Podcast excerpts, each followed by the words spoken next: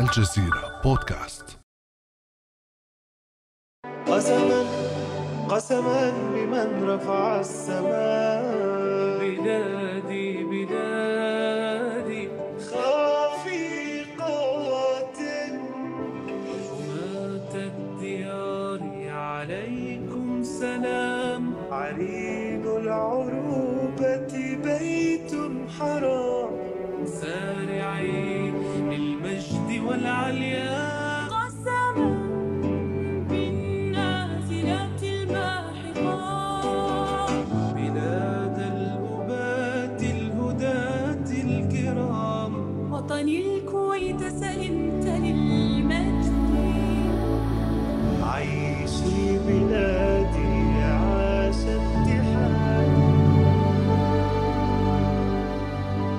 مقطوعة موسيقية بل لوحة فنية زاوجت بين الأناشيد الوطنية لكل الدول العربية. والحقيقة أنني استمعت إليها أكثر من مرة واستمتعت في كل مرة ومع كل نشيد يرتفع من قلب ملعب البيت تصدح حناجر الجماهير مرددة كلماته. ممزوجة أحيانا بدموع رأيتها في عيون آلاف الجماهير المحتشدة في مدرجات ملعب البيت المونديالي هنا في الدوحة. أهلا وسهلا. قطر بيت الوحدة. بيت العالم العربي اليوم والعالم غدا. لنكن أمة واحدة. عائلة كرة قدم واحدة. Let's celebrate football and unite the world together. معا.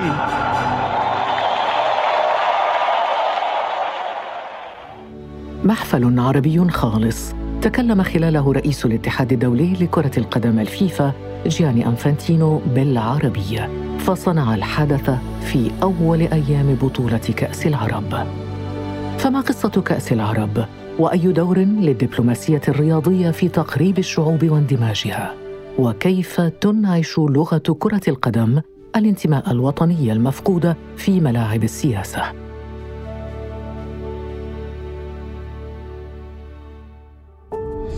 بعد أمس من الجزيرة بودكاست أنا خديجة بن جنة.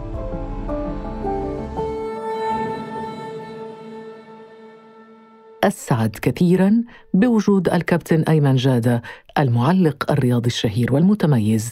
معنا هنا في هذه الحلقة. صباح الخير أبو خالد.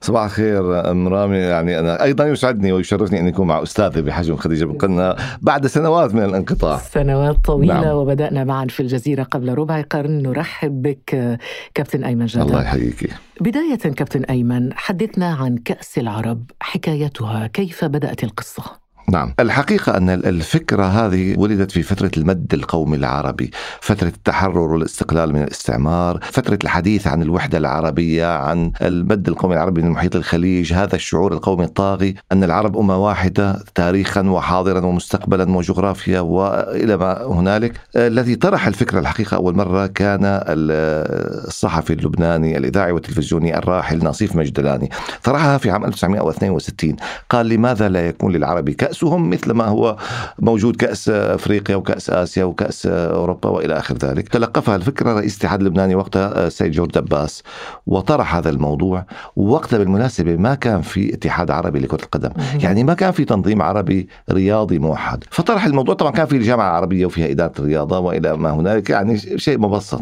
والدول أو أول الدول بالضبط. التي انضمت إلى هذه الفكرة؟ الحقيقة أن الدول التي انضمت لهذه الفكرة في في البطولة الأولى يعني التي تحمس كانت فقط خمس دول. لبنان تصدى لتنظيمها وكان هناك فقط خمس دول شاركت تونس شاركت سوريا شارك الأردن شاركت الكويت في أول بطولة. و... وين عقدت أول في بطولة؟ لبنان في لبنان. واستطاع المنتخب التونسي أن يفوز بأول لقب هذا في عام 1963 مم. في السنة التالية 1964 الكويت استضافت البطولة الثانية وكمان شارك فيها خمس فرق وفاز بلقبها العراق. في عام 66 العراق استضاف البطولة الثالثة وفاز بلقبها أيضا بمشاركة تسع منتخبات هذه المرة. يعني أول بطولة فاز فيها آه، تونس في لبنان ثم في الكويت والعراق فاز العراق بلقبين. هي 66 من 66 طبعا جاءت حرب 67 ثم حرب 73 إلى آخر ذلك توقفت بطولة كأس العرب قرابة عقدين من الزمن. إذا كابتن أيمن جمدت لمدة 20 سنة كأس العرب.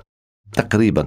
يعني آخر بطولة جاءت عام 66 لاحظي في ثلاث سنوات أقيمت ثلاث بطولات ثم توقفت بسبب حرب 67 73 خلافات السياسيه العربية إلى آخر ذلك. في السبعينات استحدثت بطولة اسمها كأس فلسطين كبديلة لكأس العرب وشاركت فيها منتخبات عربية. يعني أقيمت أول مرة عام 72 في العراق وفازت فيها مصر 73 في ليبيا وفازت فيها تونس 75 في تونس فازت فيها مصر ثلاث بطولات متتالية خلال ثلاث سنوات أيضا. بعد ذلك تقرر أن تتحول كأس فلسطين لمنتخبات الشباب تحت سن 20 سنة. وعادت كأس العرب لكن متى عادت؟ عادت في عام 1985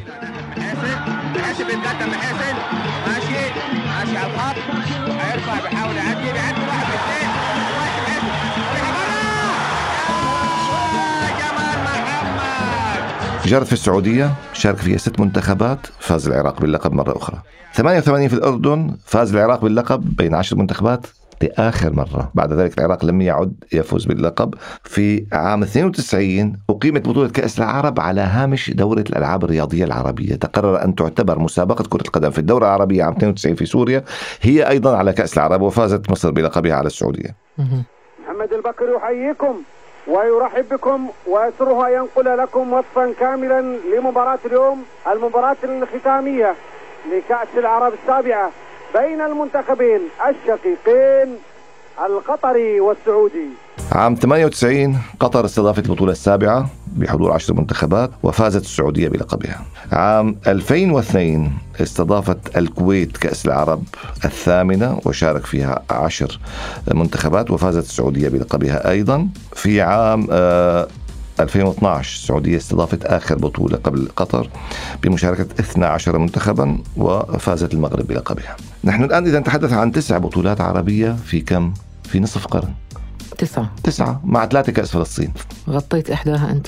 غطيت عام 98 في قطر طبعا. لأنه الحقيقة بطولات يعني كأس العرب اجمالا بتلاحظي من المشاركة يعني. مم. خمسة الحد الأدنى 12 الحد الأقصى. مم. ما كانت دائما تحظى بهذا الزخم أو ب- ب- بالزخم الذي نعيشه الآن في في قطر 2021 وهي النسخة العاشرة. النسخة العاشرة. في ماذا تختلف عن باقي النسخ؟ تختلف كليا. مهم. الاختلاف الأول أنها حظيت برعاية الفيفا. وباعتراف الفيفا. لأول مرة. طبعا لأن الفيفا عادة وهو الجهاز الناظم والحاكم لكرة القدم في العالم. وتعرف الفيفا أقوى من الأمم المتحدة لأن قرارات الفيفا في كرة القدم تسري على ال 211 دولة في العالم. طبعا الأمم المتحدة ما وصلوا 200 لسه يمكن 192 فأعضاء الفيفا أكثر من أعضاء الأمم المتحدة.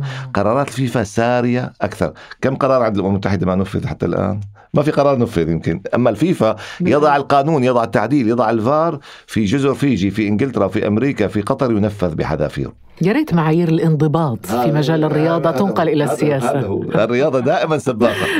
يكون في كارت أصفر وأحمر للحكام. آه كان ما استعملوا إلا الكرت الأحمر. طيب الان بالنسبة ل- ل- لبطوله قطر هذا اعتراف فيفا قيمته.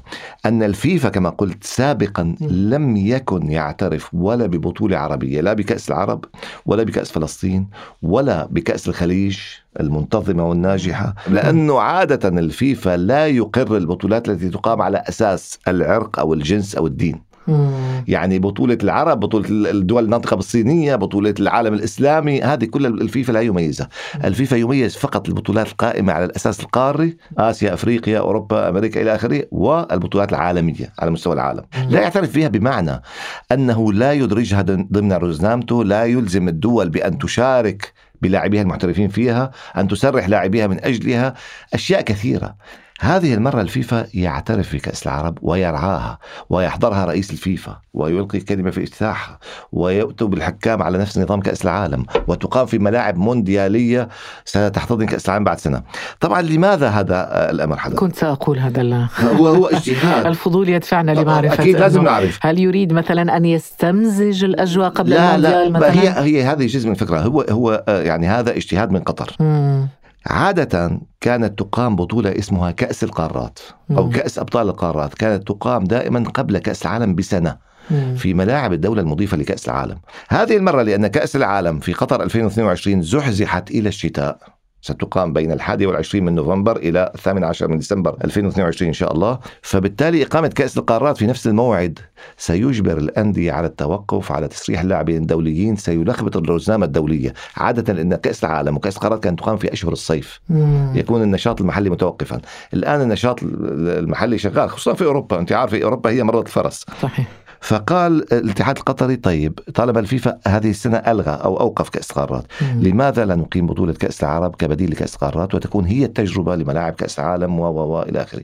ووافقت الفيفا. الفيفا اقتنع بالفكرة ووافق عليها ولذلك حصلت كأس العرب على هذا الزخم. عندما أصبح هناك موافقة من الفيفا واعتراف شاركت 23 دولة عربية في كأس العرب. جميع كل الدول العربية. جميعها بدون استثناء بما في ذلك الدول المستجدة جنوب السودان جيبوتي جزر القمر كلهم شاركوا. طبعا الفرق. تم تأهيل تسع منتخبات منها الأعلى تصنيفا في الفيفا إلى النهائيات. وبقية المنتخبات ال 14 قسمت مثنى مثنى فريقين فريقين لعبوا مباراة تصفيات في الدوحة. وتأهل الفائزون السبعة مع تسعة مشان يصيروا 16 فريق. يعني هذا يعادل حجم كأس العالم القديمة. لما كانت تقام في السبعينات والستينات كانت 16 فريق و16 فريق يعادل نصف عدد كأس العالم في قطر 2022 اللي هي حتكون 32 منتخب وتم تجربة ست ملاعب من أصل ثمانية ملاعب مونديالية. طيب قبل قليل قلت كابتن أيمن جادة أنه كأس العرب جمعت 23 فريقا يعني 23 دولة. وكل الدول العربية. كل الدول العربية. وهذا يعني أنه كرة القدم تفعل ما لا تفعله السياسة. صحيح. وتجمع ما لا يجمع صح. خصوصا في زمن التشرذم والتشتت والتمزق والانقسام وغير ذلك. وهذا بصراحة يحيلنا إلى مشهد أنا شاهدته بنفسي. حول بساط أخضر تتدحرج ال- الساحرة المستديرة يلاحقها صناع الفرص. طموحهم فقط تسديدة تحول آلاف الحناجر إلى هدير واحد في المدرجات حيث يتساوى الجميع وترفع أعلام الدول جنبا إلى جنب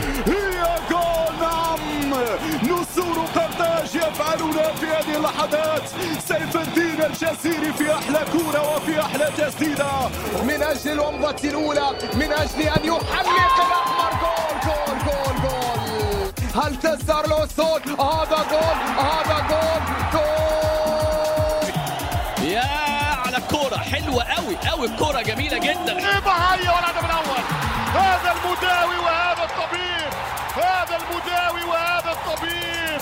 واحد صفر العنابي ياسين إبراهيمي عرضية كرة الثاني والهدف الثاني الهدف الثاني هذه المرة بغداد بغداد بالثنائية. بن شرقي في في مكانة أخرى. فرصة وأوبا هي جول هي جول هي جول أمام مجدي جول! جول!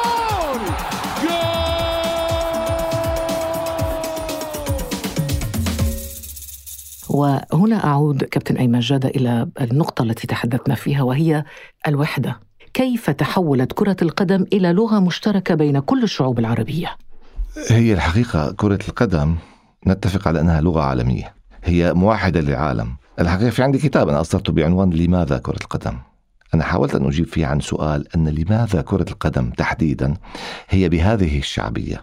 وهي بهذا الحب الجارف عند الجماهير وهي التي تملك أكبر فضاءات تجمع فيها الناس في التاريخ البشري. لا يوجد إجماع على شيء في تاريخ البشرية من حيث الحب والشغف من الناحية الجماهيرية مثل كرة القدم. يعني يق- يقولون إنها قادرة على أن تحول ال- ال- الأعداء إلى أصدقاء الجيران إلى أعداء الأحباء إلى آه، بغضاء الفقراء إلى أغنياء.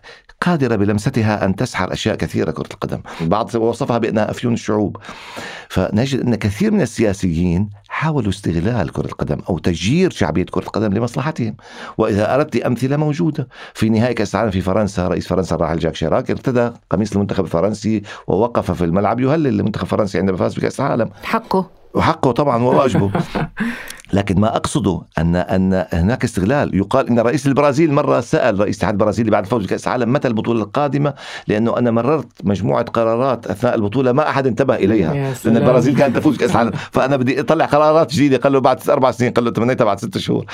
طب, يعني طب مصر والجزائر أيام التوريد في هنا. هنا هنا هنا ناخذ الجانب السلبي. مم. مم. هذه الشعبية الطاغية لكرة القدم هذا الحب لكرة القدم أحيانا يجعل قضية كرة القدم قضية مصيرية. وفي مدرب إنجليزي اسمه بيل شانكلي سألوه مرة قالوا له هل ترى أن كرة القدم هي آه، قضية حياة أو موت؟ قال لهم الأمر أكثر جدية من ذلك. بينما بيلي بينما بيلي بيلي يقول هي مجرد لعبة. بيلي النجم البرازيلي الشهير.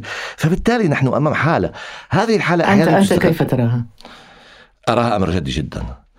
أراها وأنا آخذ استعارة من إجابة أرسن فينجر عندما سالته لماذا كرة قدم قال لي لأن فيها كل ما في الحياة.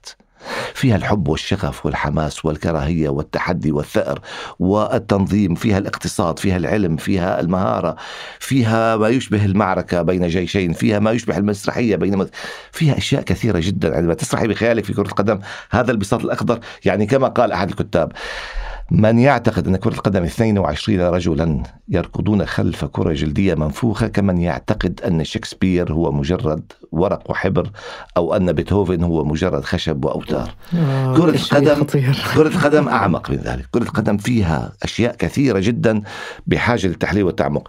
هذا الشغف في كرة القدم هذا الحب لكرة القدم هذا السحر لكرة القدم حاول البعض استغلاله. ال- ال- دول العالم الثالث مثلا البرازيل الأرجنتين الأرجنتين في في كأس العالم 78 في امرأة أرسلت رسالة لمارادونا قالت العالم يظننا حمقى لأننا نشجع رجل مدمن قالت له أنت جلبت لنا الفرحة الوحيدة عندما لم نكن نملك ما نأكل. لما الأرجنتين فازت بكأس العالم كانت تحت الحكم العسكري وكان شعبها يعني وصل لحد الجوع لكن الفوز بكأس العالم قدم لهم السعادة التي افتقدوا إليها. إذا مصنع لتصدير الفرحة. فيها بالضبط هي فرحة العالم. ولذلك أثناء كأس العالم لو تلاحظي وقد يكون كل- مصنع لتصدير الحزن وال- بالنسبة للفرق الخاسرة أيضا. موجود طبعا. موجود. ولذلك لذلك أنت تلاحظ أثناء كأس العالم تتوارى كل الأحداث. مم. كل العناوين الرئيسية السياسية تتوارى خلف كأس العالم لدرجة أن الاجتياح الإسرائيلي للبنان عام 82 لم يعلم به العالم لأن كانت كأس العالم تقام في إسبانيا. كانت ناس ملهية بكأس العالم في إسبانيا وبخسارة البرازيل من إيطاليا وبطرد مارادونا و... 82 وقت الاجتياح العام اللي فازت فيه الجزائر على ألمانيا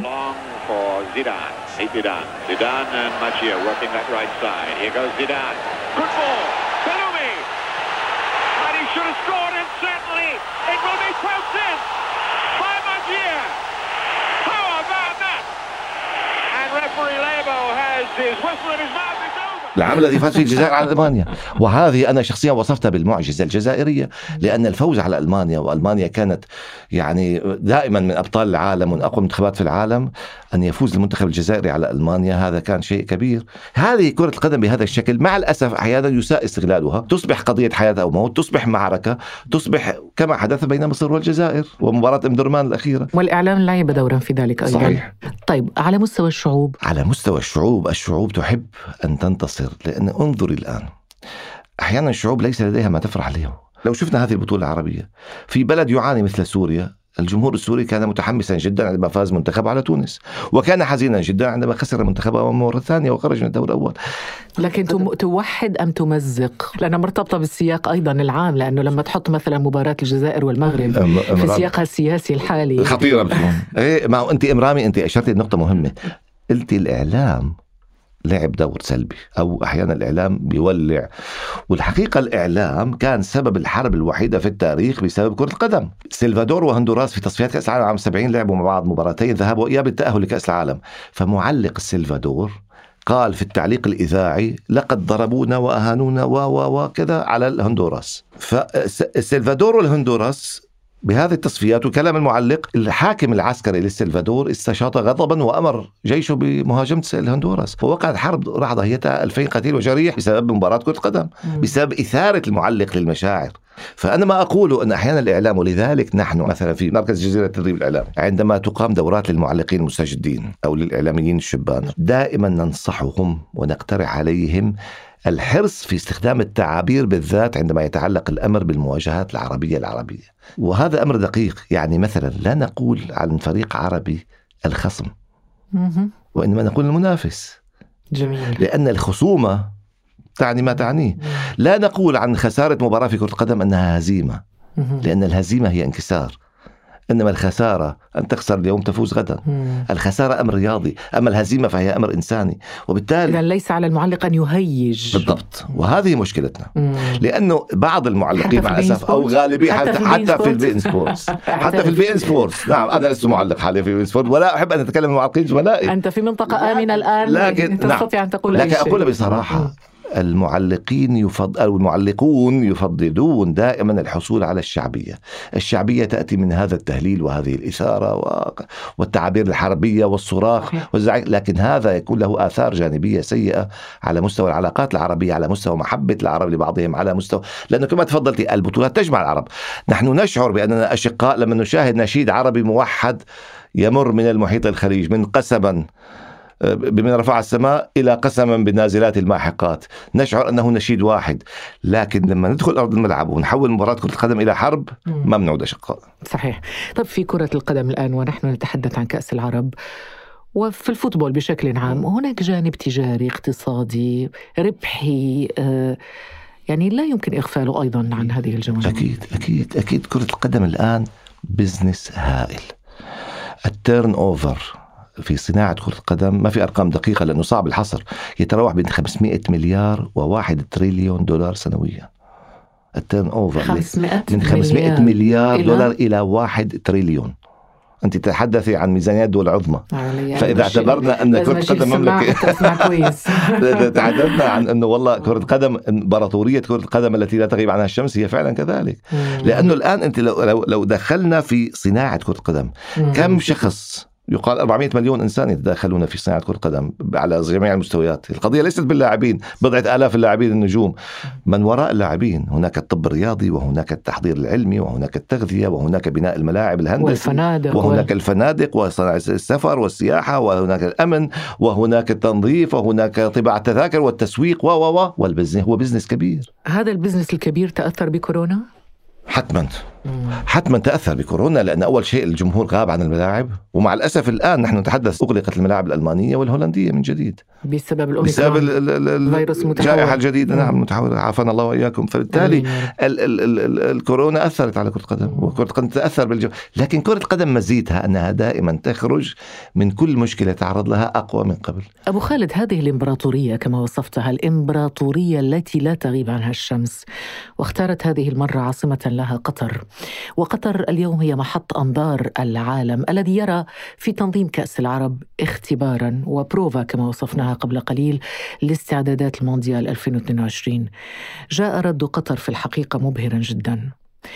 عندما رفعت الشهر الماضي الستار عن ساعة العد التنازلي لبطولة كأس العالم قبل عام تقريبا من هذه التظاهرة الرياضية الكبرى.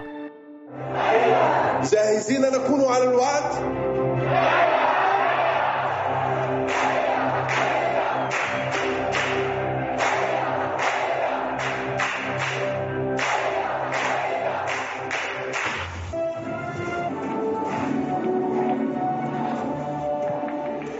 هذه الساعة المبهرة التي استلهمت من تصميم شعار كأس العالم فيفا قطر 2022 ومن تقاليد الوطن العربي العريقة ستعد الأيام نحو البطولة المرتقبة التي لا يفصلنا عنها سوى 365 يوما.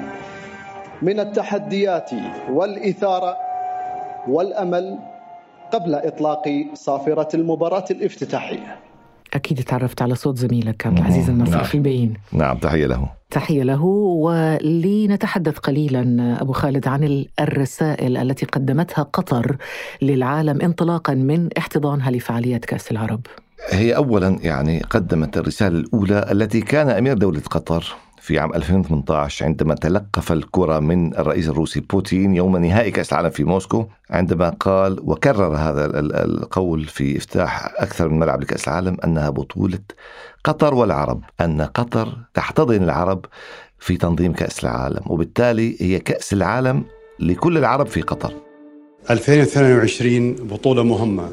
لقد ذكرنا في 2010 أن هي بطولة لكل العرب ونذكرها أيضا اليوم أن هي فعلا بطولة في كل العرب. فباسم كل العرب نرحب بالعالم في كأس العالم 2022 بطولة كأس العرب في قطر هي جزء من هذه الرسالة. أن العرب استفادوا من تنظيم قطر لكأس العالم كيف؟ استفادوا بإقامة النسخة العاشرة الأفضل والأكبر والأولى في الاعتراف الرسمي من الفيفا لكأس العرب في ملاعب كأس العالم. الآن أول لاعبين في العالم وطأوا ملاعب كأس العالم 2022 هم اللاعبون العرب الذين لن يتأهل معظمهم لكأس العالم لأنه مستحيل طبعا 16 منتخب أصلا في فرق يعني فعليا خرج من التصفيات من المشاركة في هذه البطولة العربية خرج من تصفيات كأس العالم هذه رسالة جميلة بصراحة نعم. أنه أول من وضع رجله في آه نعم. ملاعب كأس العالم هم العرب واللاعبون العرب والجماهير العربية والجاليات العربية فقطر جمعت العرب كلها حول مونديال قطر هو أولا مونديال عربي الآن ثم يأتي المونديال العالمي بعد سنة من الآن فبالتالي هذه رسالة أولى الرسالة الثانية أن العرب آه، قادرون على أن يقوموا بما يقوم به الآخرون وربما بنفس الامتياز أو بأكثر منه. نحن عندنا مشكلة العرب نحب أن نجلد أنفسنا. صحيح. نقول شوفوا اليابانيين كيف شاطرين وشوفوا الأوروبيين كيف أذكياء وشوفوا الأمريكان كيف متقدمين ونحن العرب أمة متخلفة. الحقيقة إحنا مو أمة متخلفة نحن من أذكى شعوب الأرض. والدليل مثل هذه البطولات عندما تنظم لا تنقص شيئا. بالعكس يمكن تكون فيها أشياء أحسن. يعني أنا أشرت لشيء في إحدى المباريات أو يعني باستمرار لما زملائنا بيروحوا على غرف الملابس. غرف الملابس في قطر ركبت فيها خزنات هذه ال safety box ال locker اللي هي بالأرقام السرية مثل اللي توجد في الفنادق. لتضعي فيها أغراضك الثمينة من مال أو بطاقات أو ساعة أو هاتف. لاعبون شاركوا في كأس العالم قالوا لي نحن لم نشاهد مثل هذا في في أي ملعب في بطولة كأس العالم سابقة. أحيانا كانوا يعطونا صناديق بمفتاح وأحيانا نعطي أغراضنا لاداري الفريق يخبيها عنده. لكن الآن يكون لكل لاعب هذا ال locker يضع رقمه السري ويخبي هذه إشارة بسيطة أو قضية صغيرة تفصيل صغير جدا. التكييف في الملاعب. الملاعب تقريبا معظمها مكيف وبالتالي قابل لاستضافة مباريات في الصيف. وأنت بتعرف في الحر القائم في الخليج صيفا يمكن أن تلعب مباراة كرة قدم بدرجة حرارة 20 25 23 أن تشعر بالبرد في هذه الملاعب. وجرب ذلك وطبق فعلا.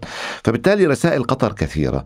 رسائل قطر أنها جاهزة. ما كان هناك دول جاهزة لكأس العالم قبل هذه المدة؟ ربما إذا استثنينا ألمانيا 2006 والألمان معروفون بانضباطهم. فبالتالي قطر الآن تقدم مثال يعني في دول مثلا البرازيل نعم. وصلت كأس العالم وفي بعض الملاعب غير جاهزة. وكان في معاناة وكان في شكاوي وكان في مشاكل كثير أشياء كانت تصير. جنوب أفريقيا طبعا كان الهاجس الأمني إلى آخر ذلك. فقطر تقدم رسالة أنها جاهزة لتقديم كأس عالم على أعلى مستوى أنها تتحدث وتنظم باسم العرب وقطر أصغر دولة. تنظم كأس عالم ستنظم ربما أفضل بطولة. إذا قطر جاهزة لمونديال 2022 هذه رسالة مهمة لنستمع في هذا السياق إلى جياني أنفانتينو. إنه شيء رائع حقا. أنا منخرط في كرة القدم خلال العقود القليلة الماضية ولم أشاهد شيئا كهذا في حياتي. جميع الملاعب جاهزة قبل عام من انطلاق البطولة وهي ملاعب في غاية الجمال. هي فعلا في غاية الجمال وغاية الروعة وأنا وأنت وكثير من الناس يعني انبهروا بجمال هذه الملاعب. جاني إنفانتينو رئيس الاتحاد الدولي لكرة القدم مسؤول دولي. صحيح. رئيس فيفا. تحدث بالعربية في الافتتاح بكلمات هذا شيء طيب لكن ما هو أبعد من قضية كلمات عربية استخدمها كمجاملة لدولة مضيفة كلمته عن أن هذا ملعب البيت أو أو البطولة هي بيت الوحدة العربيه، حديث مسؤول دولي عن الوحدة العربية هذا غير مسبوق في التاريخ الحديث على حد علمي. طبعا لا يمكن أن أفوت فرصة وجودك معنا هنا في الاستوديو كابتن أيمن بدون أن أسألك عن حظوظ المنتخبات المشاركة في كأس العرب، كأس العرب يأخذها من؟ في اعتقادي الخمس منتخبات مرشحين بصراحة. هي ما فيها ما فيها مجاملة للمتقاربين يعني قطر مصر الجزائر المغرب تونس. هؤلاء الخمسة حتما واحد منهم سيكون البطل. من يكون طب الواحد مين هذا الواحد؟ أنا شخصيا أتوقع النهائي يكون بين قطر ومصر. لكن صعب جدا التوقع أنا أتمنى أن تفوز قطر لكن يمكن أن تفوز مصر أيضا. أيا كان الفائز نحن فخورون بأي منتخب عربي يفوز بكأس العرب. نعم والحقيقة من ضمن الرسائل أو يعني الفوائد لهذه البطولة أن كثير من المنتخبات خصوصا المنتخبات التي ستتنافس على اللقب ستكون حاضرة إن شاء الله بعد سنة في كأس العالم. لأن الجزائر مؤهلة للوصول لكأس العالم المغرب مؤهل تونس مؤهلة مصر إلى حد ما ممكن نشاهد أربع منتخبات عربية من شمال أفريقيا بشرط أن لا تقع مصر مع أحد الثلاثة في القرعة وقطر متأهلة كدولة مضيفة والسعودية أيضا آه، في طريق التأهل. يمكن أن نشاهد خمسة أو ستة منتخبات عربية لأول مرة في كأس العالم في قطر. إذا ننتظر ونرى. إن شاء الله. إن شاء الله. شكرا جزيلا لك الكابتن أيمن جادة الكاتب والإعلام الرياضي المتألق وبانتظار الكتاب. عنوانه؟ لماذا كرة القدم؟ موجود في جرير؟ موجود في جرير. نعم. أنا أنتظر منك الكتاب. موجود في جرير وموجود في ألف وسأرسل لك مع شكرا. شكرا جزيلا لك. كان هذا بعد أمس.